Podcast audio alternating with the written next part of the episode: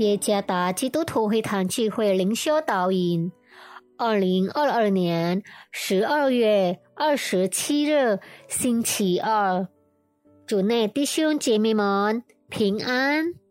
今天的灵修导引，我们会借着圣经启示录二十二章第十到十一节来思想今天的主题，成了两极化。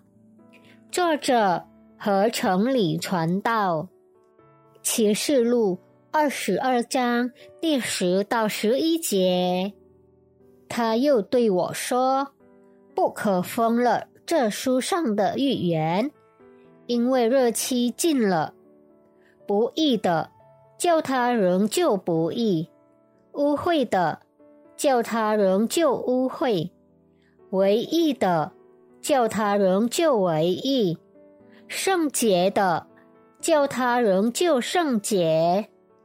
托马斯·布鲁克斯 （Thomas Brooks） 一位清教徒的牧者，在他的灵修中写道：“哦，邪恶可怕的魔鬼，已经吸引人们坐下来，并入骄傲人的行李。”箴言第四章十四节记载：“不可行恶人的路，不要走坏人的道。”请你冷静思考，直到你心中对于这些人的团契产生神圣的愤怒。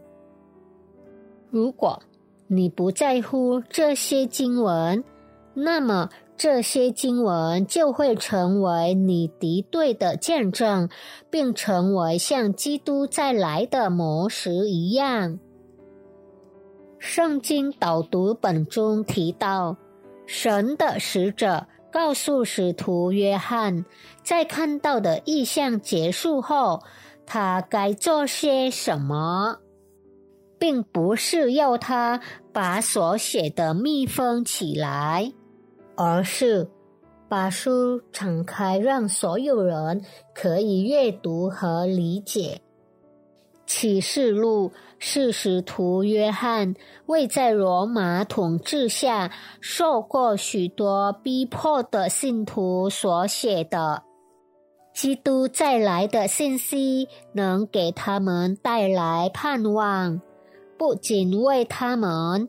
也为每个时代的所有信徒，基督即将来临已发生两极分化为标志，就是基督的跟随者与撒旦的跟随者之间的直接冲突日益增加。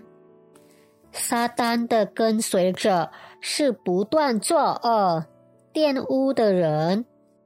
他们是与神为敌的恶人，而基督的跟随者是不断努力遵守神话语中之真理的人，透过顺服神的话，让自己被圣灵洁净。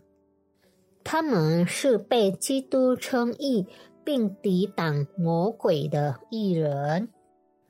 使徒约翰所写的两者之间的两极化或冲突，现在已经发生，也将发生在末世的日子。基督再来之前，我们所要思考的是：我们是站在抵挡神的一边，还是站在抵挡撒旦的一边？如果我们站在神的一边，那么我们将继续不断的努力遵守他话语中的真理，并让自己从一切污秽中被圣灵洁净。但是，如果我们站在撒旦一边，我们就会继续抵挡神，不遵守神话语中的真理。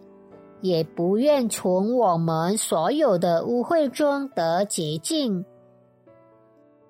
我们现在的选择是要把生命交在谁手中？基督再来的日子近了，立即回转归向神，并跟随他吧。这样，我们就必有得着主的生命。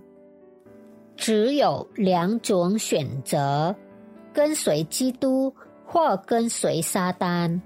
现在就做出决定吧。愿上帝赐福大家。